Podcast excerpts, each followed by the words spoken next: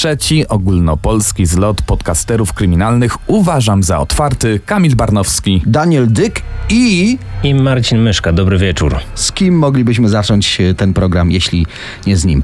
E, za chwilę dłużej trochę pogadamy, zostańcie koniecznie z nami.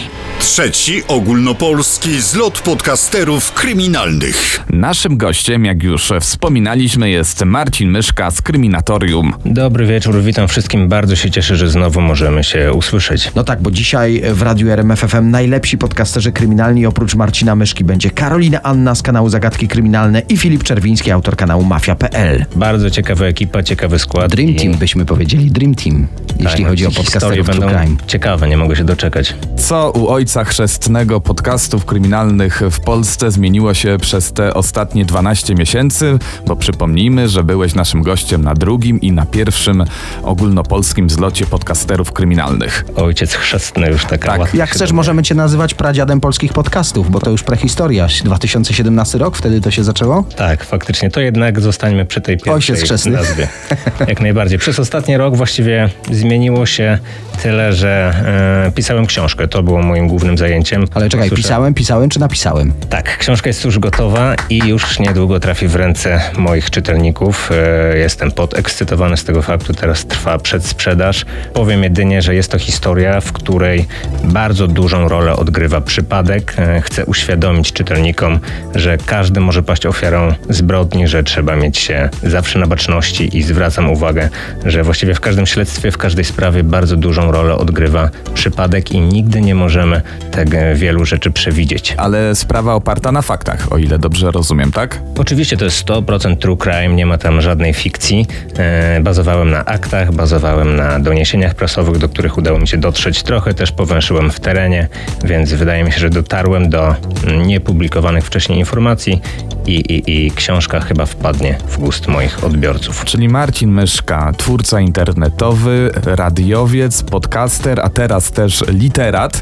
A powiedz, no mamy jesień, czas długich wieczorów. Jakie seriale, filmy polecasz o tematyce kryminalnej? Bo na pewno pytają cię o to twoi słuchacze. No niestety ostatnio tego czasu nie miałem zbyt wiele na oglądanie filmów. W ostatnim odcinku chyba w waszym programie wspominaliście o Damerze. Tak. Oglądałem tylko jeden odcinek. e, Już sobie szykuję, kto wie, może i w nadchodzących dniach zrobię sobie seans tego serialu, bo no, jednak kultowy serial można już powiedzieć, wiele osób oglądało, więc ja też muszę się za tę historię wziąć. A jeśli w ogóle jakbyśmy tam cofnęli się trochę e, w, przeszłość, to jakie filmy albo seriale kryminalne wywarły na tobie jakieś takie największe piętno i jakoś cię zmobilizowały do pracy i do tej tematyki, w której się teraz poruszasz? Chyba nie było takich typowych e, filmów czy seriali, jeżeli chodzi o fikcję, które mogłyby mnie zainspirować, czy w jakiś sposób zmotywować do działania. E, Teraz przychodzi mi do głowy taki film, mało znany właściwie niemiecki, film Złota Rękawiczka, który jest na podstawie prawdziwej historii Fritza Honki, z tym, że jest to bardzo mocne kino dla ludzi o mocnych nerwach. E, Jednak warto zobaczyć i warto się tym filmem zainteresować. A właśnie, jak gdybyśmy cię mieli zapytać o Halloween, jak ty podchodzisz do tego święta? W Poznaniu biega się z, po cukierki, po, po blokach, domach? W ostatnich latach zdarzało się, że faktycznie ktoś pukał tego dnia do drzwi, tylko ja nieszczęśliwie zapominałem, że to jest ten dzień i nie miałem przygotowanych żadnych cukierków, więc nie otwierałem drzwi, bo zwyczajnie bałem się, że będzie psikus. Teraz mnie nie ma, więc y, nie wiem, co się dzieje, ale myślę, że w nadchodzącym roku to się przygotuje już konkretnie i każdy cukierek ode mnie dostanie. Dzisiaj bardzo mocny program dla ludzi o bardzo mocnych nerwach. No właśnie, to może już sprawdźmy, czym się dzisiaj będziemy zajmowali w tej pierwszej godzinie zlotu podcasterów. Jaki temat proponujesz? Jaki przygotowałeś na dzisiaj? W poprzednich latach przygotowywałem historie krwawe. Głównie to były sprawy z Poznania. Eee, dziś nie będzie inaczej, to również będzie historia z mojego regionu, tutaj gdzie mieszkam, z tym, że będzie to historia owiana pewną tajemnicą, bo właściwie wciąż nie wiemy jak się zakończyła i kto wie, być może ten program i nasi słuchacze w tym pomogą, aby dowiedzieć się czegoś więcej. Śledzimy twoje odcinki, wiemy, że nadajesz e, kryptonimy różnym sprawom, jeżeli to są sprawy zupełnie nowe, które jeszcze nie pojawiły się e, w formie podcastów. E, Jaki kryptonim nadasz tej sprawie? tej sprawie nadam kryptonim Windziarz. Windziarz z Poznania. Windziarz z Poznania? Tak jest. E, To może zaskoczyć, bo zazwyczaj mówimy o wampirach. To jest taki najpopularniejszy Skorpiona. przydomek. Tak, rzeźnicy. Myślę, że dla wielu e, słuchaczy może być to postać zupełnie nieznana i dzisiaj odkryjemy trochę jego losy. Najlepsi podcasterzy kryminalni już teraz w RMFFM. Tradycyjnie już w ostatni dzień października ogólnopolski zlot podcasterów kryminalnych, dokładnie trzecia edycja. Naszym gościem jest Marcin Myszka z Kryminatorium. No to musisz opowiedzieć o tej tajemniczej sprawy windziarza z Poznania. Okej, no to przejdźmy do konkretu. Wszystko zaczęło się właściwie gdzieś dwa lata temu, może półtora roku temu, gdy dostałem mail od pewnej słuchaczki. Już w tytule pojawiła się fraza windziarz, więc e, temat bardzo mnie zainteresował. Słuchaczka opisała tam historię z życia jej babci. Nie ukrywam, że takie relacje zawsze są dla mnie najbardziej wartościowe, jeżeli ktoś opisuje swoje wydarzenia z własnego życia. Sytuacja była taka, że w latach 80. jej babcia oraz jej wówczas kilkuletnia mama, gdy wracały z zakupów do domu, spotkały się z jakimś niezidentyfikowanym mężczyzną na klatce schodowej, który próbował te kobiety zaatakować, próbował wedrzeć się do ich domu. Niestety były wtedy same, ponieważ e, mąż tej kobiety e, był na dole. Oni wracali z zakupów, więc pewnie może organizował te zakupy, może zamykał samochód, miał dojść kilka minut później. I ten człowiek próbował wedrzeć się do ich domu. Na szczęście kobiecie udało się zamknąć drzwi, najadły się strachu, mężczyzna zniknął. Jednak ta kobieta była przekonana przez wiele lat, że był to atak nieuchwytnego windziarza, seryjnego mordercy, który miał podobno grasować w Poznaniu i okolicach i miał zabijać kobiety w windach. Do czego doprowadziło na początku twoje śledztwo, bo musiałeś takowe przeprowadzić. Właśnie, to było bardzo ciekawe, bo ja nigdy wcześniej o żadnym windziarzu nie słyszałem. Jednak trochę tymi sprawami się interesuję, tym bardziej jeżeli chodzi o sprawy z Poznania, tutaj gdzie mieszkam, a jednak postać windziarza była mi kompletnie obca. E, przeszukałem wszystkie dostępne materiały, jakie miałem, szukałem informacji w jakichś starych detektywach, e, w jakichś starych gazetkach, których mam kolekcję w domu, szukałem w pitawalach, w internecie oczywiście nie było ani słowa. Popytałem też znajomych, którzy mają kontakty w tym środowisku milicyjnym. Okazało się, że e, no najprawdopodobniej ktoś taki nie istniał, że może była to miejska legenda, więc uznałem, że chyba trzeba ten temat odpuścić i zamknąłem tę sprawę na jakiś czas. No ale w e, miejskich legendach, w ogóle tak jak w plotkach, jak chociażby tej o e, czarnej wołdze, zawsze okazuje się, jest jednak ziarno prawdy. Nie inaczej było tym razem. Właściwie za każdym razem, gdy wchodziłem do windy, czy to starej, czy nowej, to ta historia do mnie wracała i zastanawiałem się, czy może jednak ten windziarz to jest prawdziwa postać, czy jest w tym ziarno prawdy, E, aż w końcu mm, okazało się, że tak. Jedna z moich researcherek, pomocniczek, pozdrawiam Agnieszka, podczas e, przeszukiwania starej prasy w bibliotece w Poznaniu szukała informacji do w ogóle do innej sprawy kryminalnej. Przez przypadek trafiła na doniesienia właśnie o tym tajemniczym windziarzu, więc od tego czasu po pierwsze wiedzieliśmy, że jest to historia prawdziwa, mieliśmy jego rysopis, mieliśmy jego portret pamięciowy, no i wiedzieliśmy już, jaki komunikat milicja wystosowała do społeczeństwa. Co o nim możemy powiedzieć na tym etapie? Jakie takie najważniejsze cechy udało ci się ustalić? Zacznijmy może od e, miejsca działania. To był Poznań. E, Windziarz atakował w dwóch częściach miasta. Na osiedlu Kopernika, to jest zachodnia strona miasta, oraz po wschodniej stronie, za rzeką, na Ratajach, a ściślej mówiąc na osiedlu Rusa. E, Wybierał nowo powstałe budynki. Teraz te bloki mają już kilkadziesiąt lat, ale wtedy to było nowe budownictwo. E, Wysokie bloki z windami. Atakował w godzinach porannych przed południem, zazwyczaj od godziny 9 do 13, czyli to jest taki okres, kiedy jednak mniej jest tych ludzi na klatce schodowej. Zazwyczaj mężczyźni byli w pracy, a ich żony odprowadzały dzieci do szkoły albo chodziły na zakupy. E, Gdy wracały samotnie do domu, to windziarz czekał właśnie na takie sytuacje. Czaił się gdzieś na parterze, czasami na wyższych piętrach i czekał, aż ta kobieta wejdzie do windy. Gdy miał pewność, że będzie sama, czekał do ostatniego momentu, aż zamkną się za nią drzwi. Wtedy podskakiwał, łapał za drzwi, wchodził do środka, no i atakował. E, Marcinie, no prześledziliśmy wiele takich historii kryminalnych, więc jak mówisz atakował, e, pojawia się wiele opcji. Co to były za ataki? Czy to na tle seksualnym napady? Pewnie e, Wam i naszym słuchaczom od razu przychodzi myśl, że te kobiety traciły życie, więc tutaj od razu uspokoję. Tak nie było. Faktycznie był to motyw seksualny, ale także motyw rabunkowy. Przede wszystkim chodziło mu o pieniądze i kosztowności. E, windziarz był tak bezczelny, że czasami kradł biżuterię kobiet, a potem mówił, że odda te skradzione przedmioty, jeżeli kobieta zgodzi się na podjęcie aktywności seksualnej, o którą mu chodziło, więc to pokazuje, jaki był to typ przestępcy. Zdarzało się nawet, że już po wejściu do windy od razu na przywitanie uderzał kobietę pięścią w twarz, przez to pewnie było jeszcze bardziej zdezorientowana, przerażona. W taki sposób działał. E, to, co jest najbardziej przerażające w tej historii, to, y, to pora, kiedy on napadał. W biały dzień, kiedy właściwie nikt się takiego ataku nie spodziewał. Tak, i mnie najbardziej też przeraża to miejsce, w którym on atakował, bo zazwyczaj, gdy e, mówimy o tych polskich mordercach, no to to jest na otwartej przestrzeni, więc teoretycznie kobieta ma jeszcze jakąś szansę na ucieczkę, może zaatakować. Tutaj może cian, się ciasna uda. winda 2 na 2 klaustrofobiczna sytuacja, dodatkowo jeszcze pęta pewnie emocjonalnie. I co więcej, to był całkiem postawny mężczyzna, wysoki, dobrze zbudowany, więc mało która kobieta byłaby się w stanie obronić w takiej sytuacji. Jaka była reakcja służb na te zgłoszenia, które konsekwentnie musiały spływać do, do No i tych co działo się w lokalnych komend? We wszystkich dziennikach, które były publikowane wówczas w Poznaniu, milicja ostrzegała kobiety, aby przede wszystkim zwrócić uwagę, czy obok windy nie kręci się jakiś nieznajomy mężczyzna. Jeżeli tak, no to trzeba reagować. No i, no i ostrzegano, że coś takiego ma miejsce.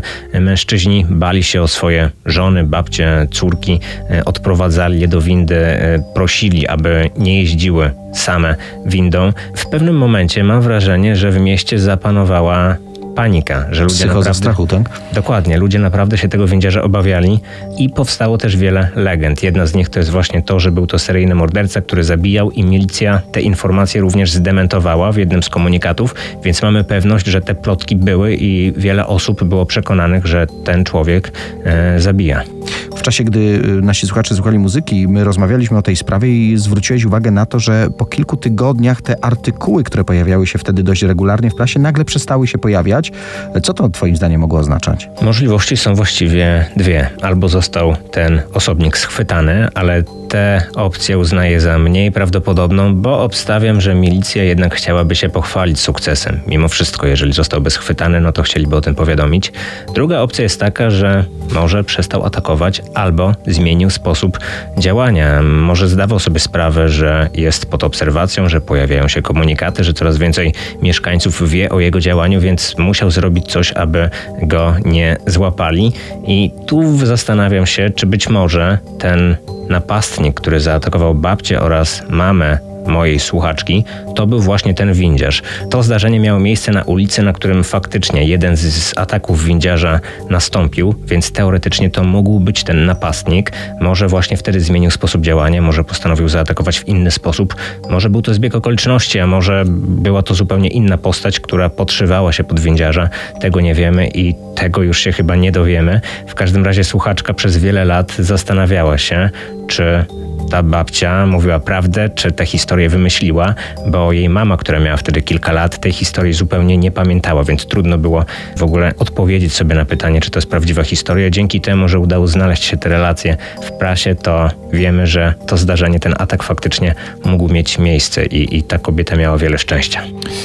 Marcin, jak cię znam, no to tej sprawy tak nie zostawiłeś, więc do czego doprowadziło cię to twoje prywatne śledztwo? Jako, że działam w tej branży internetowej od kilku lat i mam tutaj społeczność zbudowaną, więc postanowiłem również i z tego skorzystać. A w związku z tym, że sporo spraw na moich kanałach pojawiło się z Poznania i okolic, więc sporo słuchaczy również z tego regionu mnie obserwuje, zapytałem więc, czy może ktoś o windziarzu słyszał. Poprosiłem, aby moi młodzi widzowie zapytali swoich dziadków, ojców czy, czy starszych znajomych, czy kiedykolwiek słyszeli taką ksywkę jak windziarz. I faktycznie dostałem kilka wiadomości, że coś było na rzeczy, że w latach 80. pojawiał się temat windziarza. Nawet ciekawa sytuacja, bo jedna z słuchaczek napisała, że podobno w tym czasie niektóre matki straszyły windziarzem swoje dzieci. Gdy były niegrzeczne, to padało hasło Jeżeli się nie uspokoisz, to przyjdzie pan windziarz i cię zabierze, więc y, trochę tutaj humorystyczny akcent, ale to pokazuje, że naprawdę temat był głośny i, i wywoływał strach. Marcinie, to może zaapelujemy także w tej sprawie do słuchaczy RMFFM. Jak najbardziej. Byłoby mi bardzo miło, jednak ogólnopolska rozgłośnia, więc y, mamy o wiele większe możliwości. Może ktoś z Was słyszał o windziarzu w latach 80., który grasował w Poznaniu. Jeżeli wiecie coś na ten temat, to zapraszam do kontaktu. Kto wie, może tę historię można jeszcze raz odświeżyć, może uda nam się poznać losy windziarza i zastanowimy się, co się z nim stało. E, ja liczę na kontynuację tej historii. Marcinie, bardzo serdecznie dziękujemy Ci za Twoją opowieść, yy, choćby z tego powodu ważną, że może mieć ciąg dalszy dzięki naszym słuchaczom, no i niewątpliwie oryginalną, bo sami o windziarzu z Poznania jeszcze nie słyszeliśmy. To bardzo się cieszę, że mogliście usłyszeć i od dziś e, mamy nową postać w historii spraw kryminalnych w naszym kraju. Ale na tym etapie nie kończy się trzeci ogólnopolski zlot podcasterów kryminalnych. Marcin Myszka z Kryminatorium był naszym pierwszym gościem, a już za chwilę Karolina Anna z podcastu Zagadki Kryminalne. To jak ty jesteś ojcem chrzestnym podcastów kryminalnych, to za chwilę będzie ciocia chrzestna tego gatunku. Zostaniesz, aby posłuchać historii, którą przygotowała Karolina? Oczywiście jestem bardzo ciekawy, jaką historię Karolina dla nas przygotowała. Najlepsi podcasterzy kryminalni. Już teraz w RMFFM. Jest jeden taki wieczór w roku. I od kilku lat w radiu RMFFM tego wieczoru spotykają się naprawdę przedziwne y, kryminalne osobowości i przedziwne kryminalne sprawy. Czas na drugą godzinę naszego spotkania i czas na kolejnego gościa. Witamy, dobry wieczór. Dobry wieczór. Ciekawe, czy ktoś rozpoznał po głosie. No, wydaje mi się, że wiele osób zajmujących się tematyką kryminalną na pewno to jest Karolina Anna na naszym trzecim ogólnopolskim zlocie podcasterów kryminalnych. No to jeszcze raz dobry wieczór. Dobry wieczór, bardzo mi miło. Reprezentujesz podcast Zagadki Kryminalne. Przed chwilą spotykaliśmy się z Marcinem Myszką. Y, My o nim myślimy jako o tym praprzodku, jeśli chodzi o podcasty kryminalne w internecie. Y, Ty byłaś tuż po nim, prawda? Tak to się zaczęło? Który to Tak. był rok, pamiętasz? 2017. Ho, ho, ho, ho, prahistoria. To to już się rządy zmieniały i premierzy się zmieniali, a Karolina Anna nadal tworzy treści kryminalne. I co cię w ogóle skłoniło do opowiadania właśnie spraw o takiej tematyce? No bo y, jakby to nie brzmiało, kobieta, sprawy kryminalne, czyli ten świat niebezpieczny, to nie dla wszystkich jest oczywiste. Odkąd pamiętam, interesowały mnie tego typu sprawy. Oglądałam filmy kryminalne, seriale, czytałam książki i jakoś to zawsze gdzieś tam we mnie było, ale jak zaczynałam nawet swoją przygodę z YouTube'em, to nie zaczęło się od tych kryminałów, tylko od zupełnie innej takiej, można powiedzieć, damskiej tematyki. Czyli co to było? Bo to nasi było- słuchacze na pewno są ciekawi. Teraz już zaczynają klikać w internecie, wiesz, Takie lifestyle'owo-makijażowe odcinki, jak, no takich jak było wiele na YouTubie, Mhm. E, ale w wolnym czasie czytałam, oglądałam na tematy kryminalne i w pewnym momencie właśnie pomyślałam, że może warto to w jakiś sposób połączyć, zwłaszcza, że właśnie no niewiele osób na polskim YouTubie to robiło, chociaż muszę przyznać, no, że nie mogę się pochwalić tym, że to był taki mój jakiś genialny pomysł i przemyślana decyzja, to był zupełny przypadek, że, że właśnie zaczęłam tworzyć te treści. To nie było wykalkulowane, że to na pewno będzie popularne, dlatego Mhm. mało, bo, bo mało osób to robi. Nie, to raczej przypadek. Tak. Ale jak na specjalistkę od y, makijażu, muszę powiedzieć, że taki y, oszczędny makijaż na Halloweenowym noc. Mogłem się spodziewać, że to będą jakieś dynie, kościotrupy, a przynajmniej zombie. A tu piękna, miła, sympatyczna, młoda dziewczyna się nam w studiu pojawiła. No tak, chociaż y, w odcinkach halloweenowych na swoim kanale, już teraz chyba mam takich 4-5, to y, no za każdym razem jakiś tam halloweenowy element staram się wnieść, chociaż też właśnie, no może nie taki pełen, pełen makijaż klauna, czy coś w tym stylu, żeby to jednak trochę pasowało do tych poważnych Ale tematów. John Wayne. Gacy, a nie ala clown, tak. No właśnie. W naszej branży, tak. A jaki y, typ y, spraw kryminalnych cię najbardziej interesuje? Tak, mam taki jeden właśnie typ spraw. Takich nie ma wiele, bardzo ograniczony jakby zasób takich spraw, ale są to sprawy osób, które zaginęły, następnie po jakimś tam czasie odnalazły się, a później okazało się, że to nie były te osoby, że to była osoba, która albo specjalnie, albo przypadkowo podszywała się pod tą osobę. Mhm, czyli tutaj już nawiązujesz chyba do swojego tematu, który przygotowałaś na ten trzeci ogólnopolski zlot podcasterów kryminalnych. No, akurat nie, chociaż będzie to sprawa osoby, która zaginęła i odnalazła się tak, chociaż nikt się nie podszywał pod tę osobę. Co to za temat? E, Będzie to sprawa Lisy McVeigh. Ja często powtarzam, że jest to jedna z e, moich ulubionych spraw, jakich kiedykolwiek mówiłam na kanale i też e, z innych powodów uważam, że jest ważna i dlatego chciałam właśnie z nią dotrzeć do szerszego grona osób, ponieważ jakiś czas temu skontaktowała się ze mną osoba, która mnie ogląda, która powiedziała, że znalazła się właśnie w sytuacji, w której była zakładnikiem i przypomniała sobie ten odcinek oraz kilka innych, w których mówiłam właśnie o porwaniach e, i jakichś takich relacjach osoby porwanej z tym e, porywaczem, oprawcą. I przypomniała to sobie i że ta wiedza, którą tam zapamiętała właśnie z między innymi moich materiałów, pomogła jej właśnie w tej trudnej sytuacji, w której się znalazła. Oczywiście nikomu nie życzę, żeby się znalazł w takiej sytuacji, ale jeśli już coś takiego się wydarzy, no to myślę, że warto właśnie poznać, jak inni sobie z tym radzili i co im pomogło w takich, w takich okolicznościach. I już zdradziłaś, że poznamy historię Lizy McVeigh. Wszystko zaczęło się w 1984 roku na Florydzie, gdzie mieszkała właśnie 17-letnia Liza McVeigh. Jej dzieciństwo było trudne, ponieważ wychowywała ją samotna matka, która zmagała się z uzależnieniem od narkotyków i alkoholu. Lisa kilkukrotnie trafiała do różnych rodzin zastępczych i dopiero gdy miała 14 lat, to na stałe znalazła się pod opieką swojej babci. Jednak to zamiast bycia dla niej bezpieczeństwem i wreszcie spokojnym domem, stało się początkiem kolejnego koszmaru, ponieważ ówczesny partner jej babci przez następne trzy lata molestował Lisę i znęcał się nad nią psychicznie. Z tego co pamiętamy, jeśli chodzi o tę sprawę, y, Lisa była niepełnoletnia, ale już pracowała. Pracowała w pączkarni. W 1984 roku nastolatka dostała pracę w cukierni.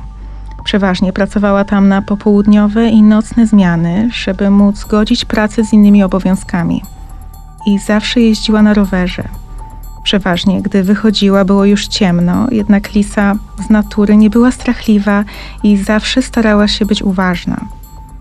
Podobnie było w sobotę 3 listopada 1984 roku.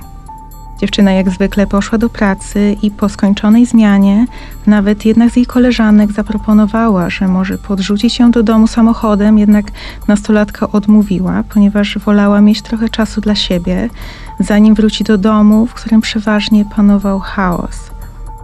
Wsiadła na rower i zaczęła kierować się w stronę domu, jednak w pewnym momencie coś gwałtownie ją zatrzymało. Okazało się, że był to postawny mężczyzna, który zaczął grozić jej bronią, po czym wciągnął do swojego samochodu. W pierwszej chwili poczuła szok, który nie pozwolił jej nawet krzyczeć czy zaprotestować. Gdy znalazła się już w samochodzie swojego porywacza, czuła się zupełnie bezsilna. Jedyne co mogła zrobić, to modlić się, i tak właśnie spędziła kolejne minuty. Nigdy wcześniej nie spotkała swojego porywacza. Wyglądał jak przeciętny mężczyzna w średnim wieku, niczym nie wyróżniający się z tłumu. Instynkt podpowiadał Lisie, żeby spróbowała zapamiętać jak najwięcej szczegółów jego twarz, głos i ubiór. Nie miała na to dużo czasu, ponieważ porywacz wkrótce zawiązał jej oczy i związał także ręce i nogi.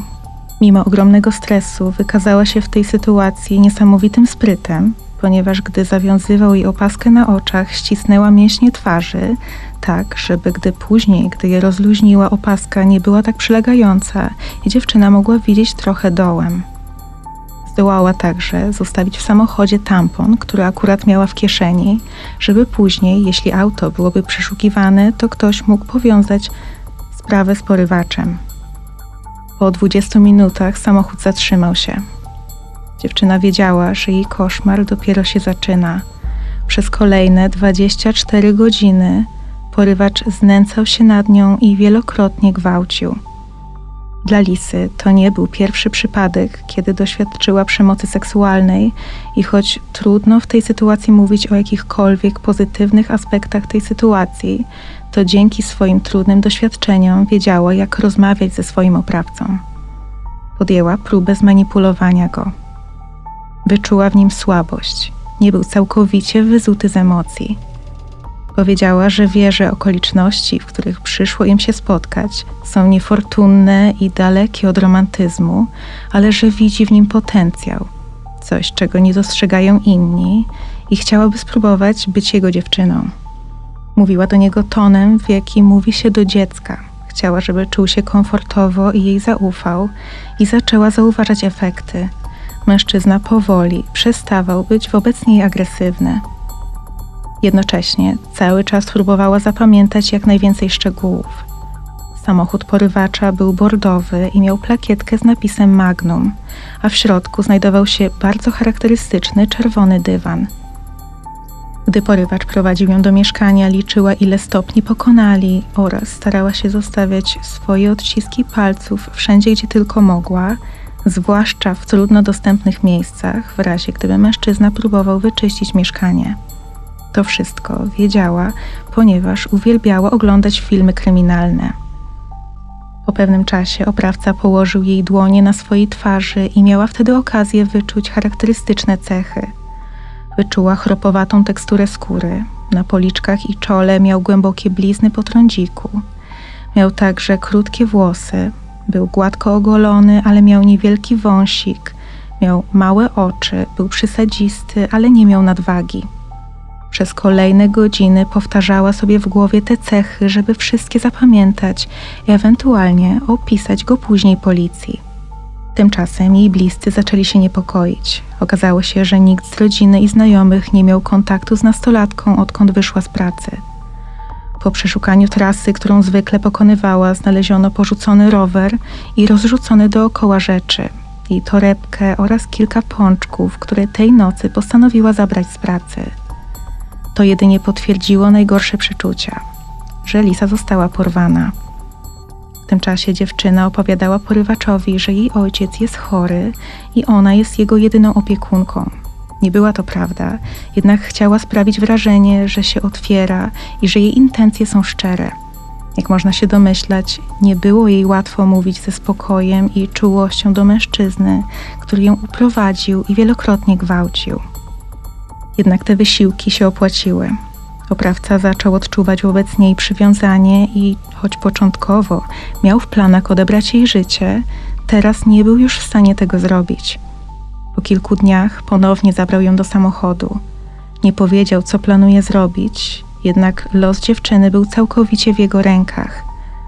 Lisa miała jednak ogromne szczęście.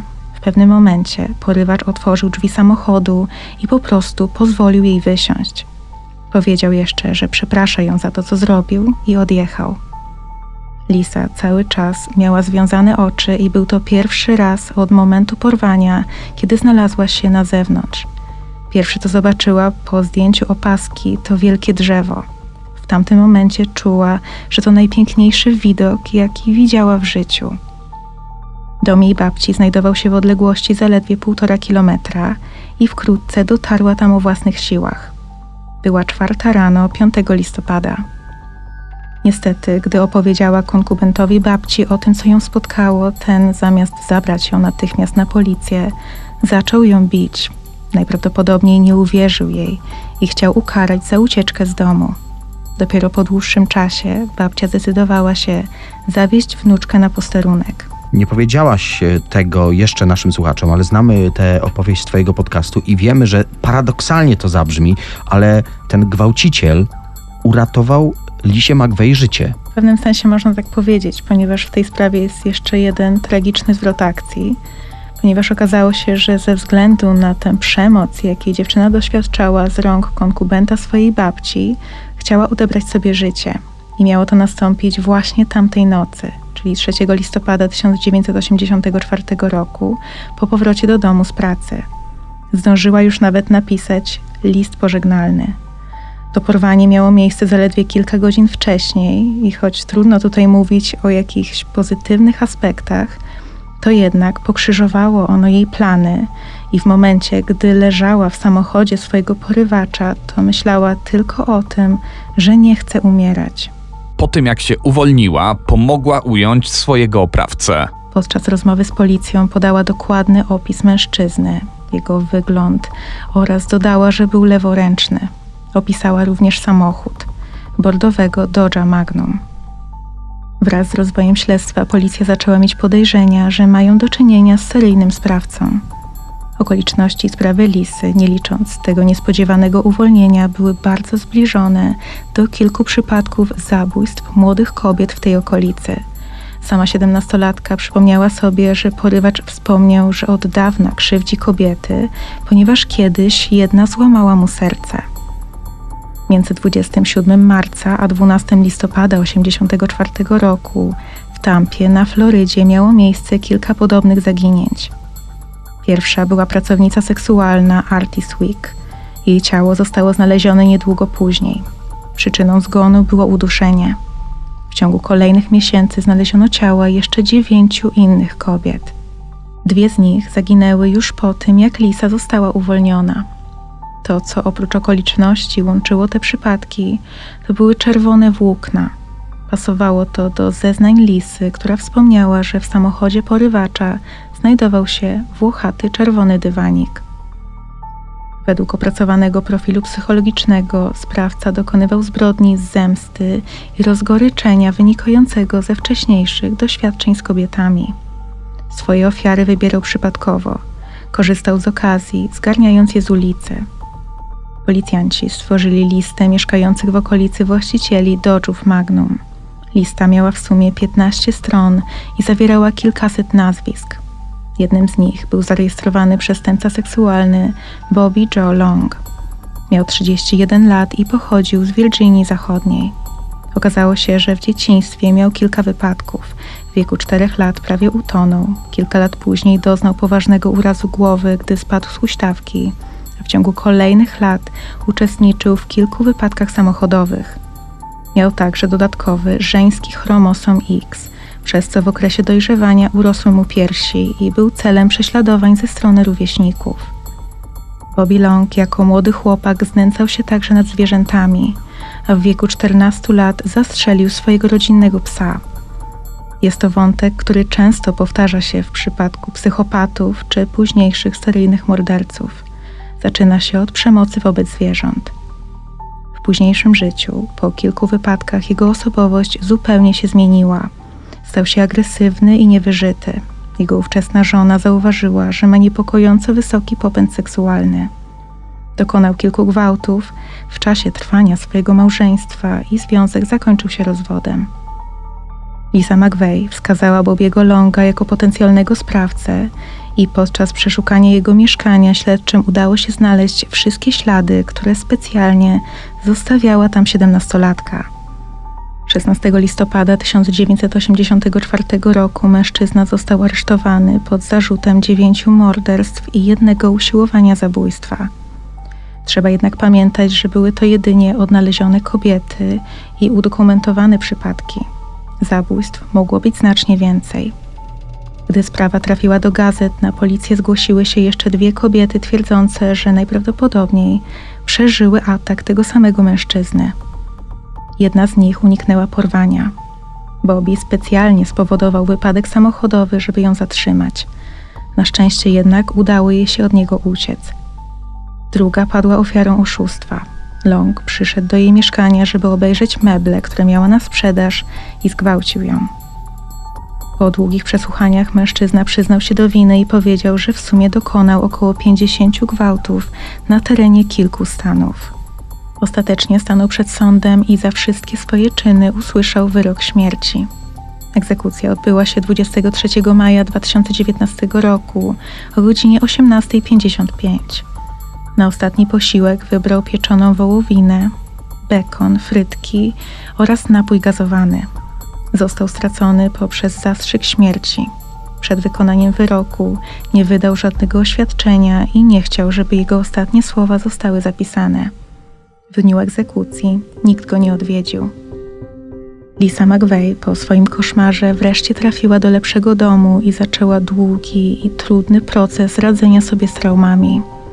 Zmagała się także z tak zwanym survivor's guilt, czyli poczuciem winy, że jej udało się przeżyć, a wiele innych kobiet w jej sytuacji straciło życie. Dziesięć lat po swoim ocaleniu Lisa została zastępcą szeryfa w tym samym departamencie policji, który pomógł jej po ucieczce od oprawcy. Zajmuje się także pracą z dziećmi. Stara się szukać znaków wskazujących na to, że dziecko może mieć problemy w domu albo przechodzić przez coś podobnego do tego, co ją spotkało z rąk najbliższych osób. Podkreśliła, że nie czuje się ofiarą, a ocalałą i wojownikiem. I na podstawie tej historii w 2018 roku powstał film pod tytułem Uwierzcie mi porwanie Lizzie McVeigh. Wspominałeś, że to ważna dla ciebie sprawa, ale może być też ważną y, sprawą dla innych. Mówiłaś o tym, że y, skontaktowała się z tobą słuchaczka twojego podcastu, która mówiła, że znajomość tej historii w pewien sposób pomogła i jej w prawdziwym życiu. Dokładnie tak. Ta sprawa oprócz tego, że jest fascynująca, to może być też również bardzo pouczająca. Jeśli znajdziemy się w takiej sytuacji, w której będziemy oko w oko z oprawcą, to trzeba spróbować mimo strachu nawiązać jakieś porozumienie z tą osobą. Bo to było kluczowe tutaj. Dokładnie tak, żeby właśnie nie być postrzeganym jako przedmiot, stać się człowiekiem w oczach tej osoby, żeby trudniej było nas skrzywdzić. Tutaj ten wątek wymyślonego ojca, który cierpiał na raka. Tak, ja jestem pod naprawdę ogromnym wrażeniem tego, jak bardzo zimną krew Lisa była w stanie zachować, jeszcze biorąc pod uwagę jej bardzo młody wiek w takiej sytuacji. Ja nie wiem, czy byłabym w stanie być tak, tak silna i tak kalkulować, co powinnam zrobić, co powinnam powiedzieć. Jestem naprawdę pod ogromnym, ogromnym wrażeniem. Karolina, dziękujemy za dzisiejsze spotkanie. Również dziękuję. To była Karolina Anna z kanału Zagadki Kryminalne, ale to nie ostatni nasz gość podczas trzeciego ogólnopolskiego zlotu podcasterów kryminalnych. Miałaś okazję poznać Filipa? Jeszcze nie, ale jestem bardzo ciekawa. No to mam nadzieję, że i jego historia okaże się interesująca dla ciebie.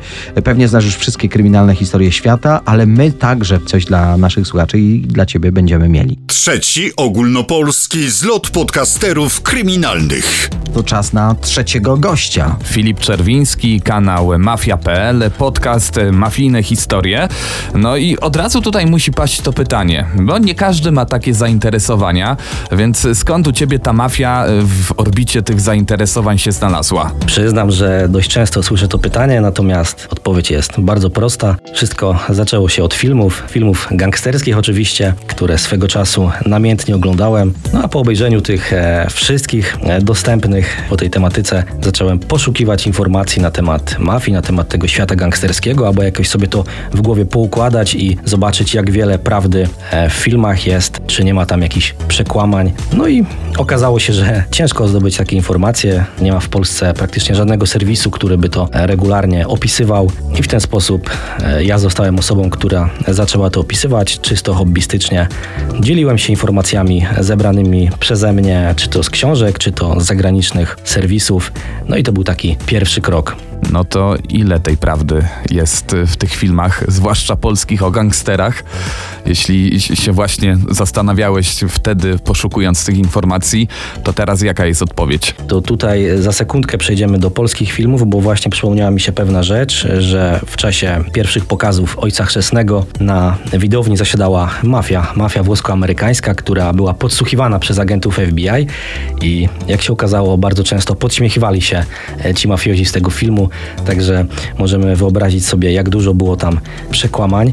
A jeżeli chodzi o polskie filmy, o polski świat gangsterski, no to tutaj e, chyba wszystkie osoby, które gdzieś zagłębiły się w tą tematykę, no, będą rozczarowane, że jednak inaczej wygląda ten świat w rzeczywistości niż na ekranie telewizora czy na ekranie kina. To wszystko, co tak naprawdę przyciąga do mafii, tak? Bo to jest ta tajemniczość, te zasady, Kolorowy świat i pieniądze. ta właśnie rzekoma hierarchia, te struktury, te obrzędy, które rzeczywiście występowały i występują w organizacjach mafijnych e, we Włoszech, czy właśnie w Ameryce, gdzie mamy tą odmianę mafii włoskiej, czyli La Cosa Nostra. No w Polsce czegoś takiego po prostu nie ma. Te struktury wychodziły niejako naturalnie. Bogaty facet brał sobie ochroniarzy, ochroniarze brali sobie kolegów e, i tak te struktury mniej więcej wyglądały. Nie było nigdy żadnych obrzędów z tymi zasadami w półświadku. No to też bardzo różnie bywało i nadal bywa. Aczkolwiek było kilka postaci w polskim właśnie świecie kryminalnym, które zrobiły nawet karierę europejską i tacy bossowie jak Nikoś czy Baranina, boss rezydujący w Wiedniu, uważani byli za najważniejszych, największych największych przestępców w całej Europie. Dobra, Filip, teraz sobie tak wyobraziłem tą salę kinową pełną gangsterów oglądających Ojca, Ojca Chrzestnego. Zbieramy polskich gangsterów, y, sięgamy też po tych nieżyjących i ich sadzamy do, na, na seans kinowy. Na którym twoim zdaniem filmie najmniej by się śmiali? Czyli który z polskich filmów oddaje najlepiej tę sytuację panującą w prawdziwej Albo mafii seriali. Polskiej? Albo seriali. Jeżeli chodzi o film, y, to z pewnością wymieniłbym tutaj Psy, część pierwsza. Natomiast był tam pokazany świat, jak dla mnie, o poziom wyżej niż ci gangsterzy z ulicy. Tam rzeczywiście e, były struktury mafijne, nazwałbym to nawet, ponieważ mamy tam wątek służb. Ciekawie jest pokazana e, także prawda o świecie gangsterskim w serialu Ekstradycja. O. Jak teraz sobie pomyślę, to dosyć ciekawie jest to i rzetelnie jest to rozpisane. Oczywiście to jest troszkę przekoloryzowane, tak? I, i, i przerysowane. Ale najmniej by się tam śmiali. Tak, bo na przykład, y, nie wiem czy pamiętacie pierwszy odcinek ekstradycji, sytuacja wymuszania haraczów na starówce, tak? Chodzą łysi panowie, wybijają mhm. baseballami szyby i wymuszają haracz. Taka sytuacja w rzeczywistości miała miejsce w 94 roku, gdzie gang z Wołomina wy, wymuszał haracze. Doszło do pierwszego w Polsce strajku przeciwko, chyba jedynego przeciwko mafii, gdzie restauratorzy się zbuntowali, pozamykali w szczycie sezonu swoje lokale e, i napisali list otwarty do prezydenta RP, żeby coś z tą sytuacją zrobił. Więc tutaj mamy jakby prawdziwy świat przekazany za pomocą serialu. Co ciekawe, jak teraz e, wspomnę ten serial, to każdy kolejny bardziej skłaniał się ku przestępczości gospodarczej. I tak to też w rzeczywistości wyglądało w polskim półświadku od gangsterów e, w ortalionowych dresach i na końcu ludzi, którzy e, zajmowali stanowiska w jakichś spółkach, czy byli wiceprezesami wielkich firm. Nie wszyscy wiedzą, że y, praca, jaką zajmujesz się, to nie tylko to, co widać później na ekranie, to jest naprawdę mozolne przygotowywanie tego wszystkiego. Która sprawa była takim właśnie momentem przełomowym? To był chyba odcinek, to ciekawe, jeden z pierwszych e, o tak zwanym gangu mutantów. To jest jedna z tych grup przestępczych, która nie tyle nastawiona na zarabianie pieniędzy, co na, powiedzmy sobie szczerze, robienie krzywdy innym ludziom i strzelanie szybciej niż się myśli. Wydaje mi się, że dlatego, że nie było e, wiele informacji o tym, o tej grupie, a Jednocześnie przewijał się wątek gangu mutantów w kilku serialach, ponieważ mieli na swoim sumieniu głośnych spraw, jak chociażby strzelaninę w Magdalence z policjantami, czy wcześniej zabójstwo policjanta w miejscowości Parole. I myślę, że tutaj widzowie, słuchacze, odbiorcy byli jakby złaknieni informacji, co działo się i jak ta grupa powstała i co działo się później z jej członkami. Posłuchaj, bo Filip, bo cały czas mówimy o, o twoim zainteresowaniu Mhm. mafią, o kanale, o podcaście, ale twoje zainteresowania wy, wykraczają daleko, daleko poza y, internet. Co masz na myśli? No książki. Tak, dwie książki mam, mam na swoim koncie, którymi mogę się, mogę się pochwalić. Z obu jestem e, zadowolony i bardzo dumny. Pierwsza powstała niejako przy okazji tworzenia filmu dokumentalnego Pershing Król Życia, który zrealizowaliśmy razem z Piotrkiem Szatkowskim z Kryminalnej Polski. Filmu na dwudziestolecie tej słynnej egzekucji w Zakopanem. A przy okazji zebrało nam się tyle informacji, tyle wywiadów, tyle materiałów, zdjęć, które dziesiątki lat przeleżały w szufladach że uznałem, że, że trzeba tym materiałom nadać bardziej namacalną formę. E, Tak więc powstała e, właśnie ta pierwsza moja książka, a kolejna to Śladami polskich gangsterów, czyli e, rzecz moim zdaniem dosyć unikatowa, ponieważ jako pierwszy podjąłem się zebrania miejsc tych wszystkich zamachów, strzelanin czy e, gangsterskich lokali w jednej książce. No i powstało z tego takie połączenie przewodnika z literaturą faktu i ciekawymi rozmowami. No i przede wszystkim jest tam 70 kodów QR, dzięki którym czytelnik może sobie zeskanować i na mapce sprawdzić lokalizację e, miejsca, o którym czyta. Słychać, że z ekspertem rozmawiamy, więc y, pozwól, że zapytam w takim razie, jaki temat wybrałeś na dzisiaj? Dzisiaj porozmawiamy o najbardziej popularnym gangsterze lat 90., czyli o Pershingu, Andrzeju K., a dokładniej o zamachach, które miały miejsce w 1994 roku, ponieważ niemal każdy, kto choć troszkę zainteresował się tematem, słyszał o tym, co wydarzyło się w grudniu 1999 roku w Zakopanem, a nie każdy wie, że w 1994 roku kilka razy już zasadzano się na Pershinga i o mało nie udało się tego zamachu dokonać kilka lat wcześniej. Filip Czerwiński z kanału Mafia.pl z podcastu Mafijne Historie opowie nam teraz o zamachach na Pershinga, czyli Andrzeja K. Powiedzmy sobie szczerze, aby znać pseudonim Pershing i wiedzieć, jaka postać się za nim kryje, nie trzeba być wielkim miłośnikiem tematyki mafijnej. Pochodzący z Ożarowa Andrzej K. był z całą pewnością najbardziej popularnym, jeśli w ogóle można użyć tego określenia w stosunku do przestępcy, polskim gangsterem lat 90. Dwadzieścia kilka lat temu gazety rozpisywały się o jego willi z basenem, przyjaźni z Andrzejem Gołotą, a nawet o diecie, jaką stosował za murami aresztu na Białołęce. Kiedy zabójcy strzelali do niego w Zakopanem zimą 1999 roku, o kulisach zbrodni rozmawiała cała Polska, a zdjęcie srebrnego Mercedesa z leżącą w śniegu zakrwawioną poduszką stało się jedną z najbardziej rozpoznawalnych fotografii dotyczących polskiej mafii. Nie każdy jednak wie, że zasadzka przeprowadzona przed Polaną Szymoszkową była tylko jednym z wielu zamachów na życie polskiego gangstera numer jeden. Aż trzy ataki na Pershinga przeprowadzono w samym tylko 1994 roku. Za wszystkie odpowiadać miał Wiesław N., pseudonim Wariat, brat słynnego dziada, szefa gangu Ząbek, którego prasa błędnie okrzyknęła bosem Wołomina. Co istotne, działania wariata nie wynikały z jakichkolwiek osobistych pobudek, a były efektem, nazwijmy to, strategii biznesowej, w czym możemy doszukać się nawiązania do słynnej sentencji z Ojca Chrzestnego. Wiesław N. w odróżnieniu od swojego bardziej znanego brata już w latach 70. i 80. był znaczącą postacią w przestępczych kręgach prawobrzeżnej Warszawy. Kiedy milicja wreszcie dobrała mu się do skóry, uciekł na zachód, skąd powrócił dopiero w pierwszej połowie lat 90. Po przyjeździe do Warszawy postanowił odzyskać dawną pozycję poprzez usuwanie po kolei tych, którzy podczas jego nieobecności zaczęli rozdawać karty w stołecznym półświadku. Dla rosnącego w siłę i żyjącego do tej pory beztrosko Pershinga tak się nieszczęśliwie złożyło, że to właśnie on znalazł się na samym szczycie tamtej listy. Filip, po tym jak narysowałeś nam ogólnie tą sytuację, jaka wtedy panowała, myślę, że czas już na konkrety i szczegóły związane z atakiem wariata. Do pierwszego ataku ze strony wariata doszło wiosną 1994 roku na warszawskiej Saskiej Kępie. To tam przy ulicy Meksykańskiej znajdował się Multipub, lokal, w którym każdego dnia około południa spotykała się załoga Pershinga, aby omówić swoje plany na resztę dnia. Wiesław N. szybko dowiedział się o ulubionej knajpie Bossa z Ożarowa i wysłał do niej swoich ludzi, aby podłożyli tam ładunek wybuchowy. 30 marca około godziny 12.30, gdy nieświadomi niczego chłopcy od Pershinga rozgrywali w barze partię bilarda, nastąpiła eksplozja, która zawaliła sufit lokalu na głowy gangsterów i nielicznych postronnych gości. Będący w szoku przestępcy z kijami bilardowymi w rękach zaczęli wybiegać z restauracji i z piskiem opon uciekać w stronę śródmieścia.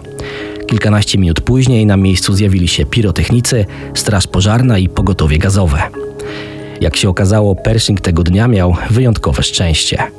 Po pierwsze, nie było go w miejscu eksplozji, gdyż jadąc do swoich kolegów, utknął na jednej z warszawskich ulic, a po drugie jego ferajnie nie stało się nic poważnego, ponieważ właściciel lokalu z uwagi na słaby ruch nie uruchomił instalacji gazowej.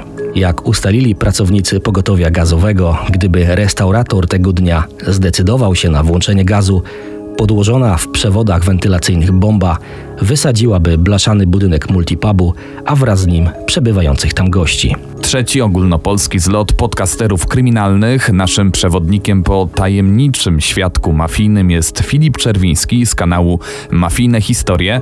Wracamy no, do tych bardzo tajemniczych spraw, a dokładnie do polowania na Andrzejaka. Mówiłeś o kolejnych atakach y, poza anteną. y, Nie wiem, czy ci się wymsknęło. Jeden z nich nazwałeś omyłkowym. Zgadza się, zaraz wprowadzę Was w szczegóły tamtego zdarzenia. Do kolejnego ataku doszło już kilka dni później, tym razem pod domem Andrzeja K., znajdującym się przy ulicy Witosa w Ożarowie.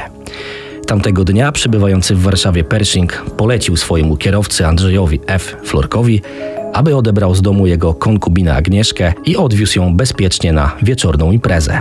Około godziny 21 Florek zaparkował przed willą swojego Mercedesa, niemal identycznego jak ten, którym poruszał się jego szef, po czym wszedł do budynku. Kiedy wraz z partnerką Pershinga kierował się do samochodu, z pobliskich zarośli wybiegło kilku napastników, którzy od razu otworzyli ogień.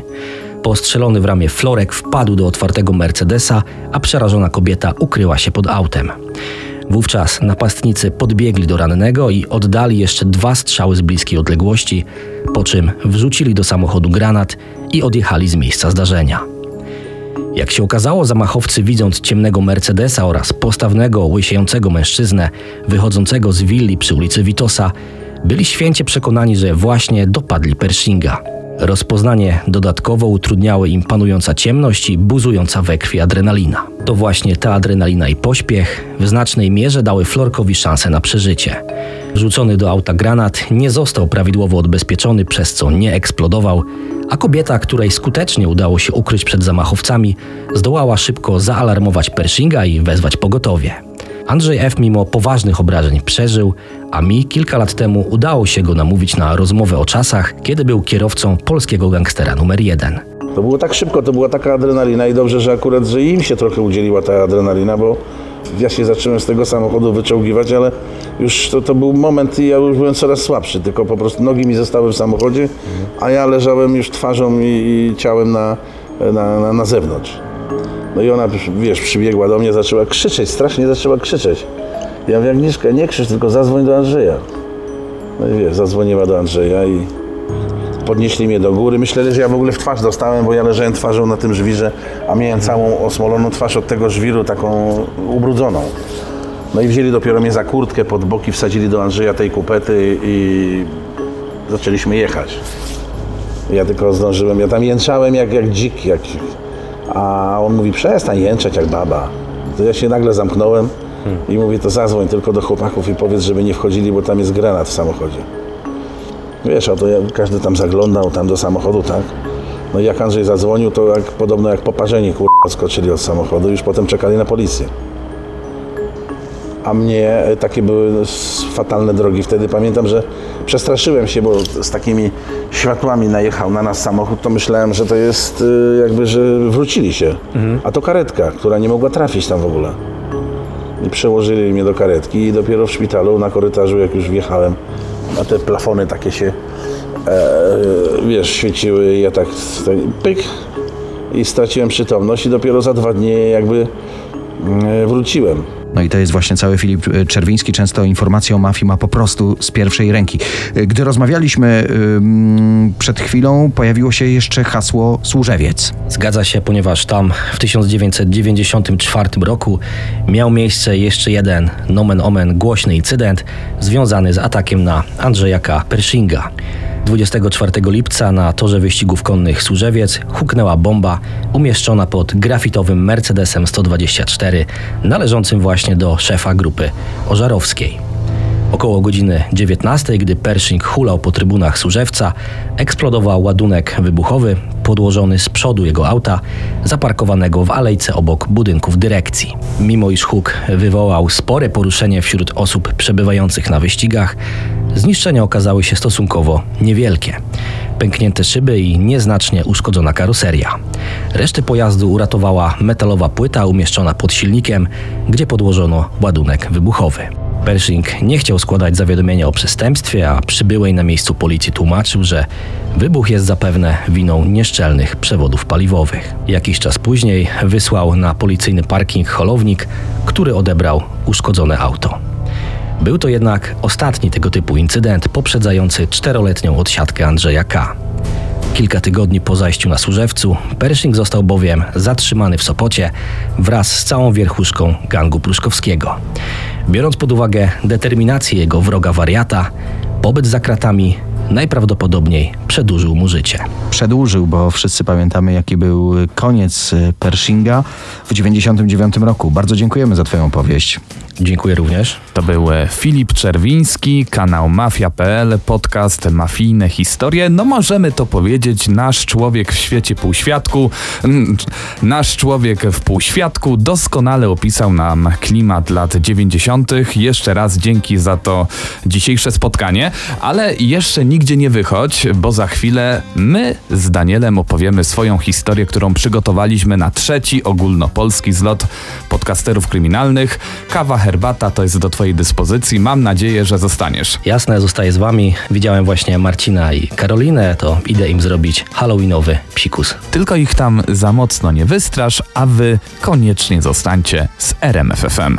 Od straszenia dziś wieczorem to już zostaliśmy tylko my. Trzeci ogólnopolski zlot podcasterów kryminalnych. E, Przed tym, jak opowiemy historię, którą przygotowaliśmy na to wydarzenie, y, myślę, że małe podsumowanie. Jaka opowieść zrobiła na tobie największe wrażenie którego z gości? E, Wszystkie były wyjątkowe. Dyplomata. No ale mocno zaintrygowała mnie sprawa windziarza z Poznania, którą przedstawił Marcin Myszka. Kto wie, może dzięki naszym słuchaczom poznamy personalia tego napastnika. No, a historia Karoliny Anny, morał sam się nasuwa, prawda? Warto znać historię o prawdziwych zbrodniach. Nigdy nie wiadomo, czy ta wiedza kiedyś w przyszłości nie uratuje naszego życia. Oby nie musiała się nigdy przydać. I oczywiście Filip Czerwiński, jego opowieść o zamachach na Pershinga, zwłaszcza te archiwalne materiały nagrane podczas rozmowy z ochroniarzem polskiego gangstera numer jeden, z Florkiem, no pozwoliły nam poznać od środka zamach na Pershinga w Ożarowie. My także na ten wyjątkowy wieczór przygotowaliśmy historię zbrodni, do której doszło, uwaga, w Halloween 10 lat temu, w 2012 roku. Ale gdy prześledziliśmy akta tego zbrodniarza, odkryliśmy, że ma o wiele więcej na sumieniu. John White, człowiek o wyjątkowo mrocznej duszy. Najlepsi podcasterzy kryminalni. Czas na historię, którą przygotował zespół Scen Zbrodni. To będzie historia sprzed 10 lat. e, Morderstwo, do którego doszło w Halloween. 31 października 2012 roku John Douglas White tego dnia pomagał wnukowi swojej narzeczonej przygotowywać się do tradycyjnej zabawy cukierek albo psikus. Wkrótce poznacie szczegóły tej sprawy. Zanim jednak o tej konkretnej zbrodni powiemy, musimy zaznaczyć, że nie było to pierwsze przestępstwo na koncie tego człowieka. Często w naszych programach powtarzamy, jak to u nas po kolei, więc podejdziemy i dziś wieczorem do tej sprawy chronologicznie. Tę historię powinniśmy zacząć w 1980 roku. John White ma 23 lata, jest żonaty, mieszka w Battle Creek w stanie Michigan, ale fantazjuje na temat sąsiadki. 17-letnia blondynka mieszkająca obok nazywa się Teresa Efferton. Nieraz do niej zagadywał, jak to między sąsiadami. W końcu znalazł pretekst, by dziewczynę zaprosić do swojego domu. Był miły i czarujący. Chciał pokazać dziewczynie swoją bieżnię, którą trzymał w piwnicy. Niestety poszła tam za nim. Wtedy z dobrego sąsiada zmienił się w bestię. Znienacka dźgnął dziewczynę od tyłu nożem. Trafił ją pod prawą łopatkę, a później dźgał raz za razem, na oślep, w dziwnej furii. Ona zapamiętała, że cały czas się do niej uśmiechał. Gdy już myślała, że w tej piwnicy zginie, niespodziewanie sąsiad opanował się. Otarł jej usta, pocałował ją i powiedział, że powinna iść. Przeprosił ją za to, co jej zrobił i jako usprawiedliwienie rzucił, cytujemy, jesteś tylko kobietą. Dziewczyna przeżyła. White'a aresztowano. Początkowo wszystkiemu zaprzeczał, grał niepoczytalnego, w końcu mówił, że jest chory, że wymaga leczenia psychiatrycznego. Powiedział: Nie słuchałbym ludzi, którzy próbowali mi powiedzieć, że mam problem. Teraz zdaję sobie z tego sprawę. Został skazany na 5 do 10 lat, jednak odwołał się. Adwokat wykazywał błędy w postępowaniu i doszło do ugody. Po dwóch latach w więzieniu wyszedł, ale warunkowo pod nakazem leczenia psychiatrycznego. Chodził na terapię, ale był wolny. Przenosimy się teraz do roku 1994.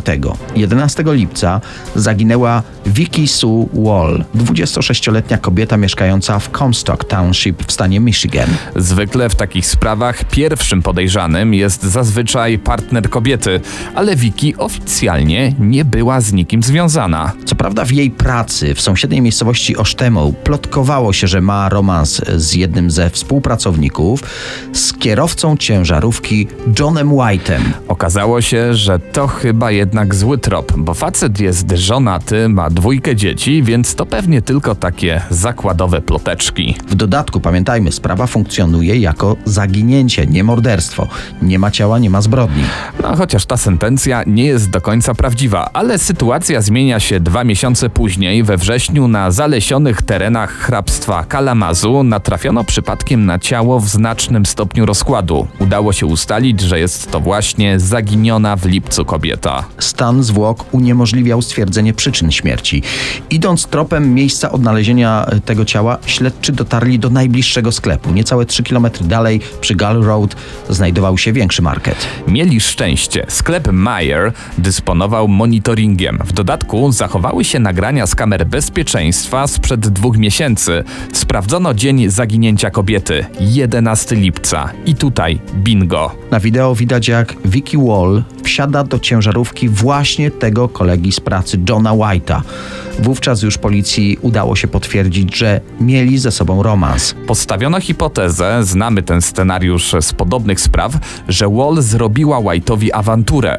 Ma przestać ją zwodzić, powinien powiedzieć żonie o ich romansie, albo ona to zrobi. Wówczas prawdopodobnie udusił kochankę. Tydzień po znalezieniu jej ciała śledczy aresztowali Johna White'a.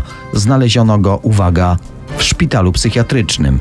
Okazało się, że wkrótce po zaginięciu kobiety zgłosił się na leczenie. Coraz więcej elementów tej zawiłej układanki do siebie pasowało.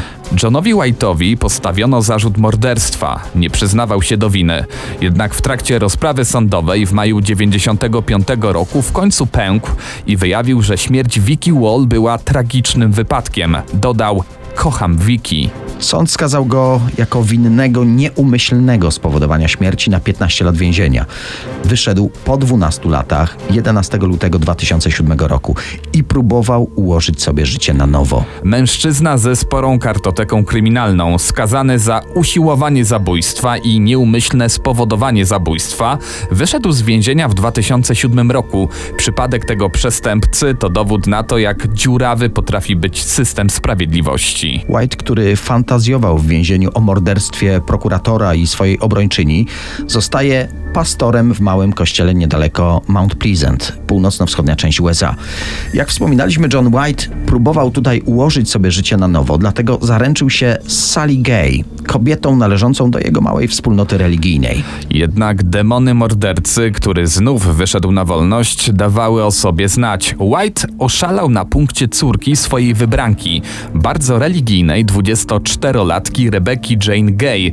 Samozwańczy pastor regularnie odwiedzał rodzinę swojej ukochanej i często opiekował się trzyletnim synkiem Rebeki, Conwayem. I tak docieramy do Halloween 2012 roku. 55-letni pastor John White, mieszkający na placu przyczep kempingowych, po wypiciu pięciu piw, wyszedł nad ranem ze swojego mieszkania. Zakradł się do przyczepy Rebeki Gay, która mieszkała kilkadziesiąt metrów od niego. Morderca kilkakrotnie uderzył kobietę młotkiem, a następnie udusił ją krawatem.